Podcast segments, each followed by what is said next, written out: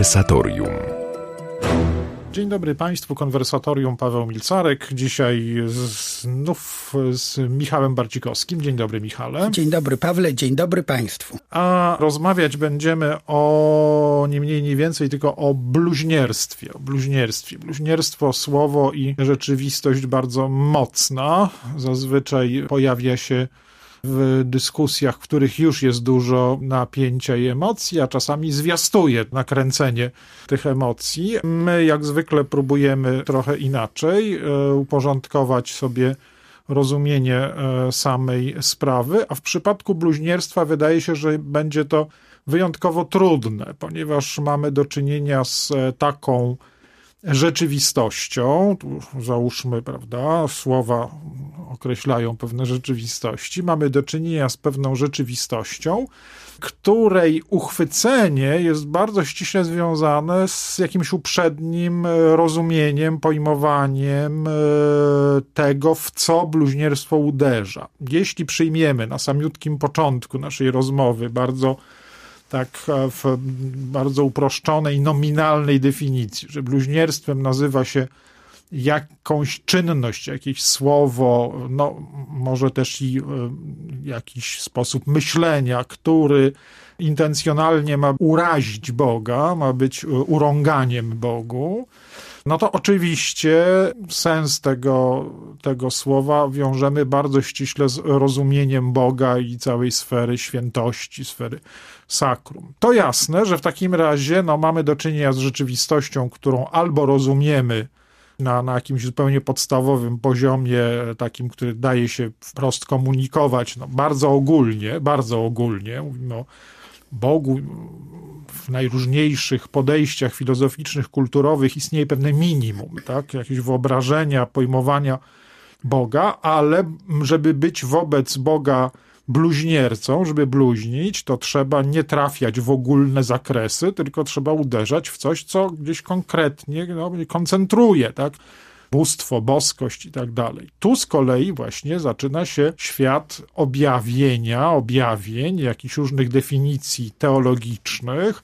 Im bardziej są one precyzyjne, im bardziej można powiedzieć ułatwiają nam uchwycenie, gdzie właśnie to bluźnierstwo może mieć miejsce, to tym mniej są oczywiste dla, jakby to powiedzieć, nieuprzedzonego umysłu ludzkiego, takiego, który nie jest zaangażowany w, w, akt wiary. To jest ta trudność, którą tutaj mamy. W związku z tym pojawia się inna jeszcze perspektywa, taka, że mianowicie pojawia się problem takiego uporządkowania życia społecznego, w którym e, ludzie e, oświadczający, że różne rzeczy wywołują w nich poczucie bluźnierstwa, no, są jakoś, ja wiem, e, jest jakiś porządek, w którym się wzajemnie w sobie nie wchodzi w te sfery. Ale to już jest, powiedzmy sobie, jakoś tam da, dalsza perspektywa. Pierwsza ta, która nas na, na, na początku najbardziej interesuje, jakby to powiedzieć w samej warstwie moralnej, kwestia tego, jak się Bogu urąga. W takiej definicji, którą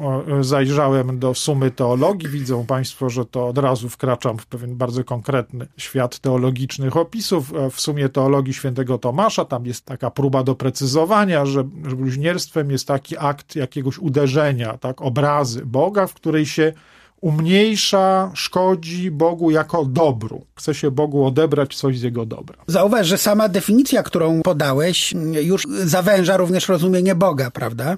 Obrazić można osobę. W związku z tym y, bluźnić można Bogu, Bogu, który jest osobą. Bluźnić można Bogu, który jest osobą, a więc bytem, z którym możemy wejść w relację osobową. Nie sądzę, żeby w starożytnej Grecji można było, nie wiem, bluźnić Zeusowi, prawda?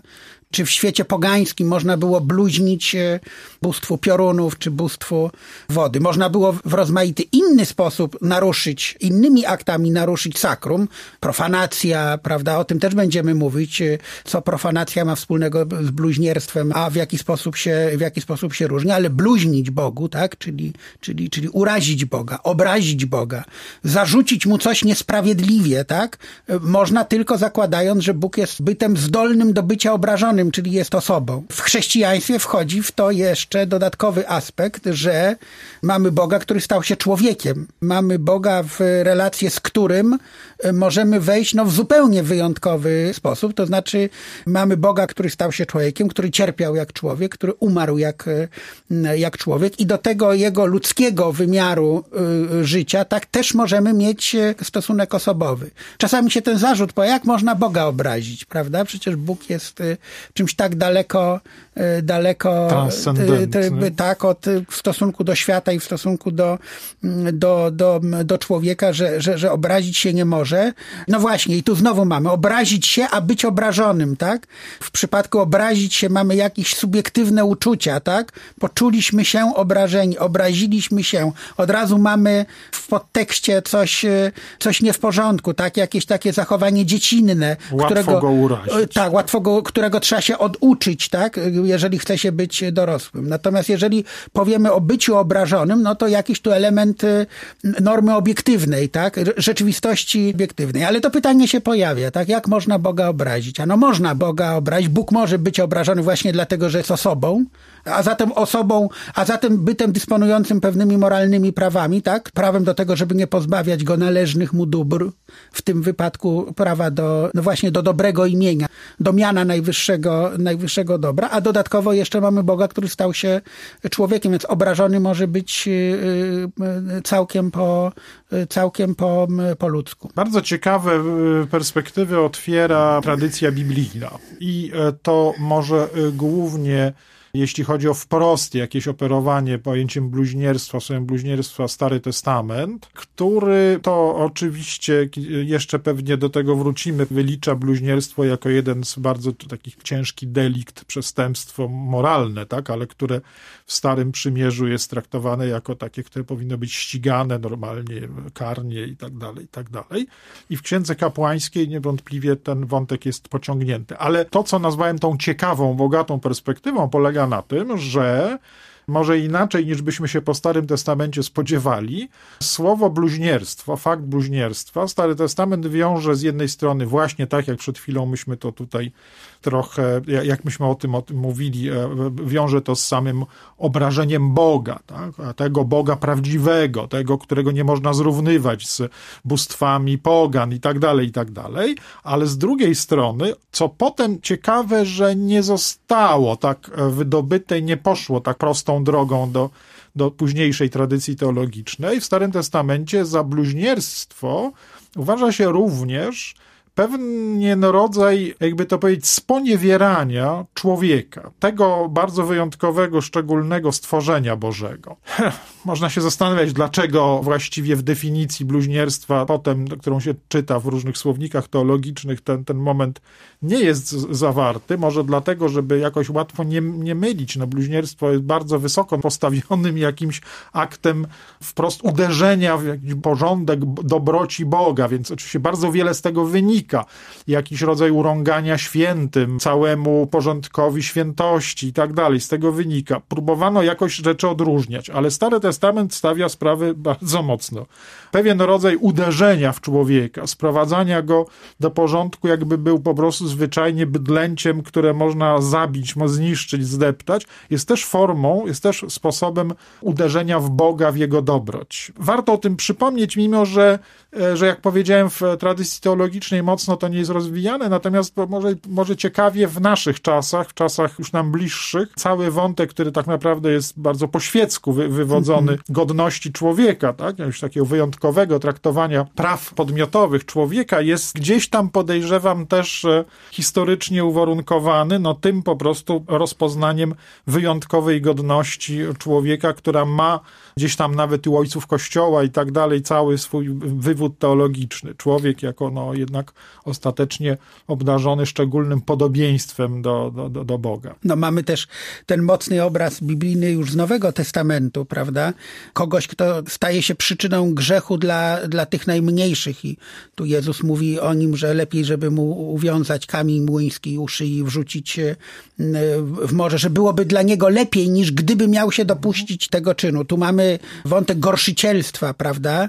Niszczenia dobra w człowieku, oduczania go dobra, zwłaszcza w tym człowieku, który jest od nas, w jakiś sposób podlega naszej władzy, jest zależny, w dziecku, prawda?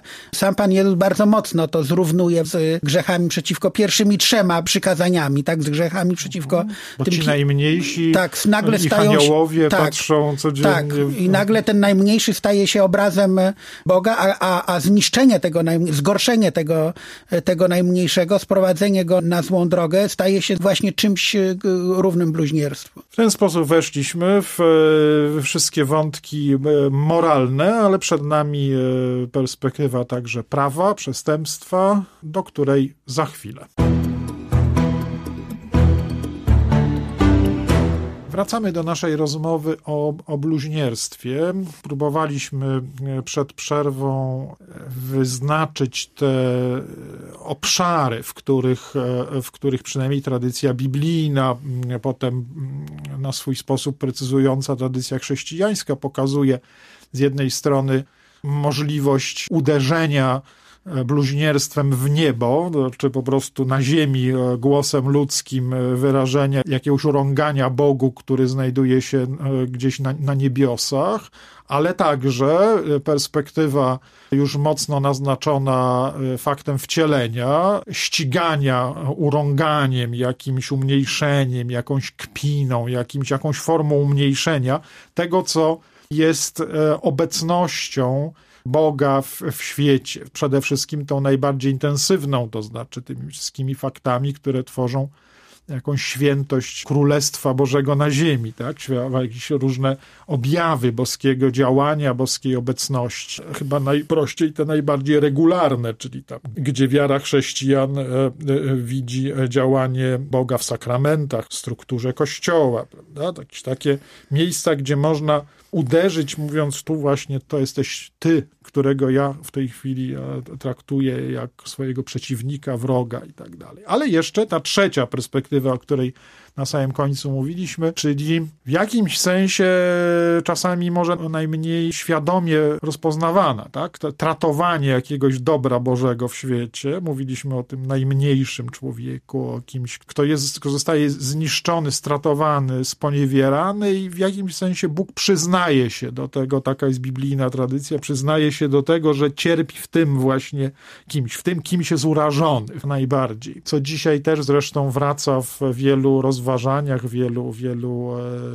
jakichś e, rachunkach sumienia, prawda, także i tych kościelnych, w których się mówi o jakby dopuszczeniu do tego, żeby, żeby ci, którzy przez Kościół mają być chronieni, bywali konfrontowani z e, przemocą i, i, i zepsuciem. No tak, dobrze, chronieni ale... byli sprawcy przemocy. A chronieni tak. byli, tak, którzy, którzy wchodzili w majestacie z kolei tych e, chronionych. To wszystko jest moralna perspektywa. Można powiedzieć, że zapewne ktoś, kto poważnie i jako na przykład osoba wierząca traktuje sprawę obecności Boga, Boga w swoim życiu i tak dalej, dla niego problem bluźnierstwa tak postawiony jest już dość piorunujący. To jest po prostu coś, co, co jest dlatego również przedmiotem tak wielu emocjonalnych także wystąpień, prawda? Już właśnie także poczynając od Pisma Świętego, gdzie emocjonalne są za, zapisane. Ale sama granica tu nie jest zawsze ostra. Przykład Hioba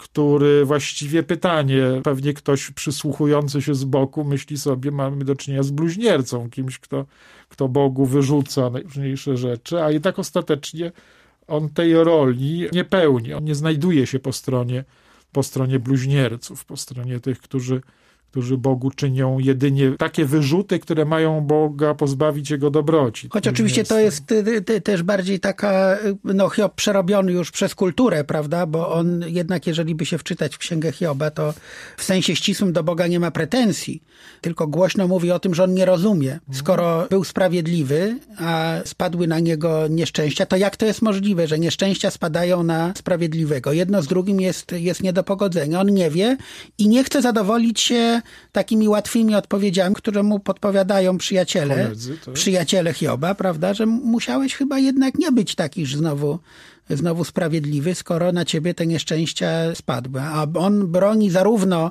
Boga jako dobrego, jak i prawdy o sobie jako o sprawiedliwym broni.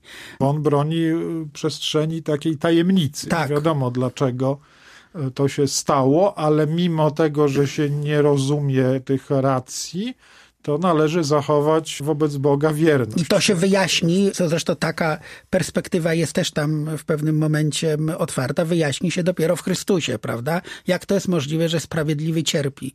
I po co sprawiedliwy cierpi? Okazuje się, że to ma najgłębszy, najgłębszy sens. Dotykam tej kwestii, która nawet tak jak króciutko tutaj do niej się odnieśliśmy, widać, że może być kwestią jakiejś dyskusji, e, jakiejś niepewności, czy, czy czyjeś gwałtowne wystąpienie. Mm -hmm gwałtowne do Boga, e, wychodzące poza pewien standard, jakieś wołanie, które może komuś wydawać się takim ciosem, tak, zadawanym jakiemuś również wyobrażeniu o Bogu, czy coś takiego może być pomylone z bluźnierstwem. Jeśli by tak było, to no, ta druga zaplanowana przez nas perspektywa rozmowy, perspektywa prawa, staje się mhm. tym bardziej trudna, prawda? Bo prawo powinno interweniować tam, gdzie właściwie mamy do czynienia z jakimiś e, no, generalnie dającymi się uchwycić, e, standaryzowanymi jakimiś przekroczeniami, których nie trzeba e, nieustannie analizować we wszystkich najgłębszych sensach, tylko daje się to uchwycić. Jak w takim razie uchwycić prawnie bluźnierstwo? No przecież jednak przez wieki przez prawo, i tu już mówimy nie o prawie kościelnym, kanonicznym, ale też i prawa państw, było uchwytywane jako, jako przestępstwo. No, też powiedzmy sobie, że tę różnicę może troszeczkę lepiej rozumiano w, w czasach, w których uczono retoryki. I na przykład to, co pewne chwyty retoryczne, które my bierzemy dosłownie, a których w Piśmie Świętym jest bardzo dużo, tak? Jeżeli czytamy psalmy, no to tam mamy nieustanne, no może nie wypominanie Panu Bogu, ale przypominanie Panu Bogu, ileż to nieszczęść na nas sprowadzi. Lamentacje Jeremiasza, prawda? Co też Pan Bóg dopuścił, żeby się stało z jego ukochanym Izraelem, z jego ukochaną, mm, ukochaną Jerozolimą. Dla ludzi tamtych czasów, to czytających, zabieg retoryczny był oczywisty i ta tradycja jakby to powiedzieć takiego retorycznego wadzenia się z Bogiem, gdzie intencja była oczywista, gdzie chodziło nie o bluźnienie Panu Bogu, tak? Nie, nie, nie, o, nie, nie o bluźnienie Panu, Panu Bogu, tylko jakby to powiedzieć o mocne retorycznie ukazanie kondycji ludzkiej człowieka i, i zaniesienie przed oczy Boże tej kondycji ludzkiej z prośbą o miłosierdzie, tak? O, o, co jest częścią modlitwy Kościoła, prawda? Nie z zasług naszych, bierz miarę, tylko obdarzaj, y, obdarzaj miłosierdziem, bo sami z siebie nic nie możemy y, osiągnąć, ani nic nie możemy zrobić, tak? I tylko z Twoją pomocą możemy coś zrobić. I żeby zobrazować retorycznie tą nędzę ludzką, no to właśnie tak to przedstawiano. Cała tradycja, nie wiem, to, to już znacznie późniejsza, barokowa, prawda? Mów pogrzebowy, gdzie tego wadzenia się z Panem Bogiem jak mogłeś nam go zabrać, czy on ci był tam potrzebny, prawda, przecież on tu jeszcze, tu nam był, jak mogłeś od nas odejść, prawda, no to są z moim ulubionym pogrzebem pana Popiołka w serialu Dom, prawda, gdzie doktor Kazanowicz mówi, Panie Boże, tak się nie robi, na co ci on był tam w niebie potrzebny, czy tam trzeba drzwi zamykać, podwórko polewać, prawda, i tak dalej. No, jest oczywiste, że tu nie, to nie jest bluźnierstwo, tak, że to są mhm. rzeczy, które człowiek o pewnej elementarnej kulturze wyczuwa, a które są obecnie świadomie mieszane, tak. My w ogóle mam wrażenie, żyjemy w kulturze, przepraszam, zgrywania idioty. To znaczy, żyjemy w kulturze, w której musimy nagle udawać, że nie rozróżniamy że nie rozróżniamy e, pewnych form retorycznych, tak? Że nie jesteśmy w stanie rozróżnić e, właśnie tego wszystkiego, o czym mówię, tak? Retorycznego wadzenia się z Panem Bogiem od bluźnienia Bogu, tak? Że nie jesteśmy w stanie odróżnić sztuki od profanacji że nie rozumiemy, na czym polega zło profanacji, bo tu, e, przepraszam, ja już otwieram kolejną perspektywę, bo profanacja nie jest tym samym, co bluźnierstwo, prawda? W chrześcijaństwie obiektem kultu religijnego jest sam Bóg. Natomiast z drugiej strony jest to Bóg, który stał się człowiekiem, więc dał się ludziom poznać widzialnej postaci. Został pod postacią sakramentów.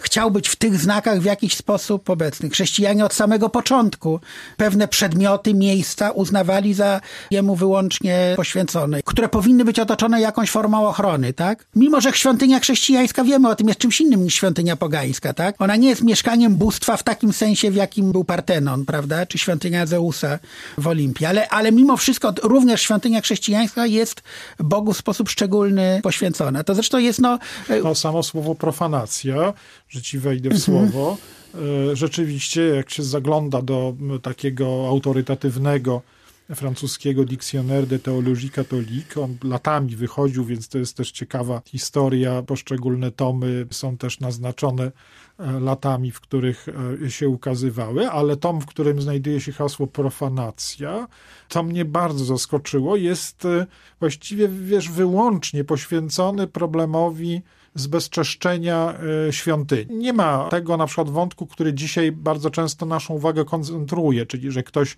nie wiem, jakąś złośliwością e, coś by domalował do jakiegoś -hmm. obrazu, albo w, ogóle to, w ogóle to nie istnieje. Tam jest po prostu aż e, suchy, prawie kanoniczny opis tego, co się może wydarzyć w kościele, że trzeba uznać, że doszło do jakiegoś bezczeszczenia -hmm. świadomego, nieświadomego i trzeba -hmm. powiedzieć, no to trzeba zareagować. Wydaje się, że ta perspektywa profanacji nam się dzisiaj rozszerzyła, byśmy zupełnie o czymś innym rozmawiali i rzeczywiście byłoby to w dalszym ciągu nie to samo, co bluźnierstwo, ale, ale, ale bli, no, Rozszerzyła się nam, bo media się rozszerzyły, prawda?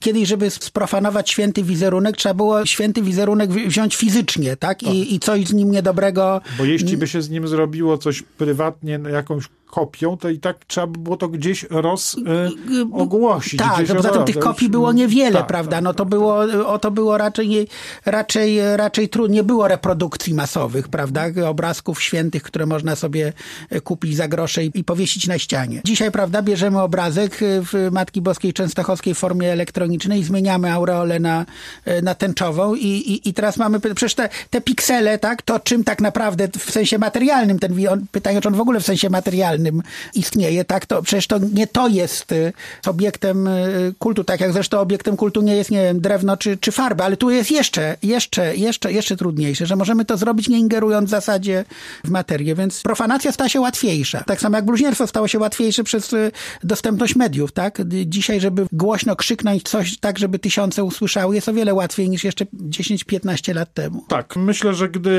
mówiłeś o tym, o tym mieszaniu pozwalającym też udawać, że gdzieś nie ma bluźnierstwa i tak dalej, że, że, że nikt nie gra bluźnierstwem, mhm. to oczywiście przybliżyliśmy się do, do takiego tematu, który zupełnie w innych e, rozmowach, e, przy innych okazjach figuruje jako transgresja. Tak? Mhm. Jest jakiś taki moment, w którym w którym zwłaszcza w dyskusji o sztuce mówi się o tym sposobie prowokacji, tym sposobie odsłonięcia e, nagle czegoś w jakimś przedmiocie albo w emocjach ludzkich, do czego transgresja, tak e, jej rzecznicy argumentują, jest niezbędnym, niezbędnym zabiegiem. Nigdy zapewne nie zostanie tutaj to na tyle oddzielone od bluźnierstwa, żeby e, ludzie wierzący albo ludzie chcący poważnie traktować Boga i bóstwo przestali e, po prostu protestować przeciwko tym. Wydaje się zresztą, że te protesty, ten odruch e, e, jest wpisany wręcz w samo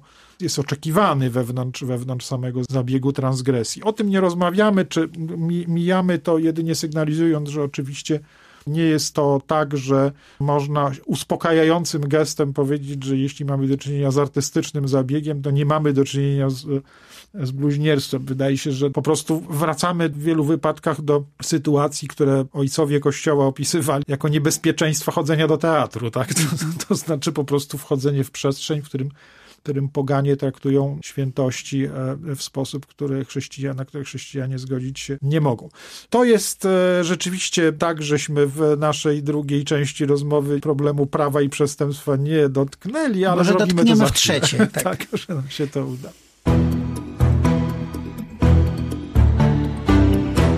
Wracamy do naszej rozmowy o bluźnierstwie. Skoro nie w drugiej, to w trzeciej części naszej, naszej rozmowy aspekt prawny ca całego zagadnienia. Próby opisywania bluźnierstwa nie po prostu jako jakiegoś moralnego nieporządku, na który co najwyżej można protestować, tak? ale opisywania tego zjawiska jako przestępstwa, wobec którego już nie protestuje, ale reaguje wspólnota, reaguje społeczność.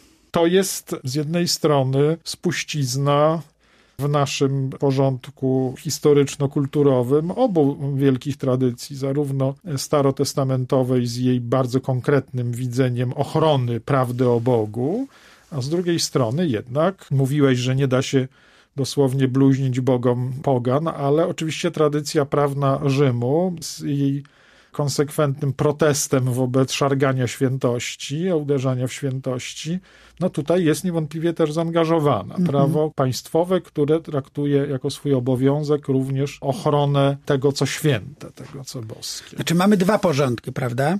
Nie ma społeczności, dla której nie ma rzeczy świętych. Takich, których tknąć, y, tknąć nie wolno. I nie ma społeczności, która tych rzeczy świętych nie chroni. Taką świętością jest bóstwo, prawda? I rzeczy, przedmioty, ludzie szczególnie temu bóstwu poświęcone. Takim przedmiotem ochrony w chrystianite, w państwie chrześcijańskim będzie, będzie Bóg prawdziwy i kult tego prawdziwego Boga. Natomiast problem pojawia się wtedy i sprawa zaczyna się komplikować, kiedy nie ma społecznej zgody co do tego, co jest święte. Czy człowiek niewierzący może zbluźnić Bogu, skoro on w ogóle nie uznaje Boga, prawda, i, i, i istnienia? Czy on może mieć intencję obrażenia Boga? Czy on mimo tego, że teoretycznie nie może mieć takiej intencji, no bo nie może obrazić czegoś, co, co nie istnieje, czy społeczność nie może uznać, że, że nie narusza się w ten sposób jakiegoś dobra. A jeszcze konsekwentnie w społeczności tradycyjnej, jeżeli coś odkrywamy, że coś nie jest świętością, a wręcz uzurpuje sobie miejsce świętości, to nie tylko nie, pod, nie przyznajemy czemuś takiemu ochrony, ale jest obowiązek usunięcia, zniszczenia tego. Dla społeczności chrześcijańskiej jest oczywiste, jeżeli jakaś społeczność przechodzi i przechodzi na chrześcijaństwo, tak, to niszczy wizerunki bogów pogańskich. Dwie drogi zresztą, bo albo ta radykalna, w której tak. po prostu niszczy się wszelkie ślady i tak no dalej. No tak, albo, albo się przerabia. Na tyle prawda? przekształca tak, te przestrzenie, że one... Tak, tak, ale to jest, jakby to powiedzieć, to jest oczywiste. Problem jest taki, kiedy nie ma zgody co do świętości, co do tego, co jest święte. To się zaczęło już w momencie reformacji, prawda? W naszym kręgu cywilizacyjnym. Oczywiście możemy mówić o kryzysie jeszcze wcześniejszym w Cesarstwie Bizantyjskim związanym związanym z odrzuceniem kultu obrazów, prawda? I wtedy ci, którzy odrzucali kult obrazów, dla nich jest oczywiste, że te obrazy trzeba zniszczyć, bo są, y, uzurpują sobie miejsce. Są inwazją pogaństwa do y, wewnątrz tak. W chrześcijaństwie zachodnim no, pod takim kryzysem była reformacja, prawda? Kiedy protestanci niszczyli wizerunki świętych jako te bluźniące Bogu. Kiedy mamy słynną sprawę Erasma od Finowskiego w Lublinie, druga połowa XVI wieku, znany protestancki poeta renesansowy, prawda, który w czasie procesji Bożego Ciała w Lublinie wyrwał monstrancję księdzu, podeptał ją i zniszczył, został postawiony przed sądem, to teoretycznie przestępstwo zagrożone karą śmierci i zostaje faktycznie oczyszczony z zarzutu. Znaczy skazano go na zwrócenie kosztów monstrancji. Według legendy podobno też kosztów mąki i chleba użytych, co już samo w sobie się ocierało o, no, ocierało bluźnierstwo. Bronił go Mikołaj Rej, zresztą Kalwin. I fakt, że on, jak powiedzieć, uszło mu to na sucho, pokazywało to, że to społeczeństwo w, tym drugiej, w tej drugiej połowie XVI wieku ma poważne wątpliwości co do tego, co jest święte. I ta reakcja władzy też, też to pokazuje. Takich sytuacji mamy wiele, prawda, w, też w naszej, w naszej historii. To był element po prostu kłótni, tak, o to, co społeczność dana uważa za... No, specyfika za... tej kłótni polega na tym, że po obu stronach mamy do czynienia z ludźmi, którzy inaczej definiują bluźnierstwo, sam spór jest Inaczej definiują bóstwo, tak? Jak rozumiem, hostia jest rzucał się na monstrancję właśnie dlatego, żeby zlikwidować bluźnierstwo tak. w jego przekonaniu. On krzyczał, oddajecie cześć, przez, oddajcie cześć Bogu żywemu, a nie, a nie jakiemuś bałwanowi, tak? A z kolei dla katolików był to Bóg żywy. Dopiero po jakimś czasie nasza kultura zachodnia, chrześcijańska, wywodząc to właśnie z chrześcijaństwa, no, odnalazła koncept tolerancji, tak? To znaczy, że są sytuacje, w których niezależnie od tego, czy coś jest dobre, czy coś jest złe, jak ocenia, jaki mamy osobisty stosunek do danej rzeczy, zasługuje na to, żeby tej rzeczy nie dotykać ze względu na inne dobro, ważne dla całej społeczności, które cała społeczność uznaje. I na przykład cała społeczność uznaje pokój religijny za takie dobro i ceną za ten pokój religijny jest to, że poszczególne, nawet jeżeli się różnimy co do tego, co jest bóstwem, to sobie wzajemnie w drogę nie, nie wchodzimy i, i chronimy przestrzeń sakrum ważną dla każdej.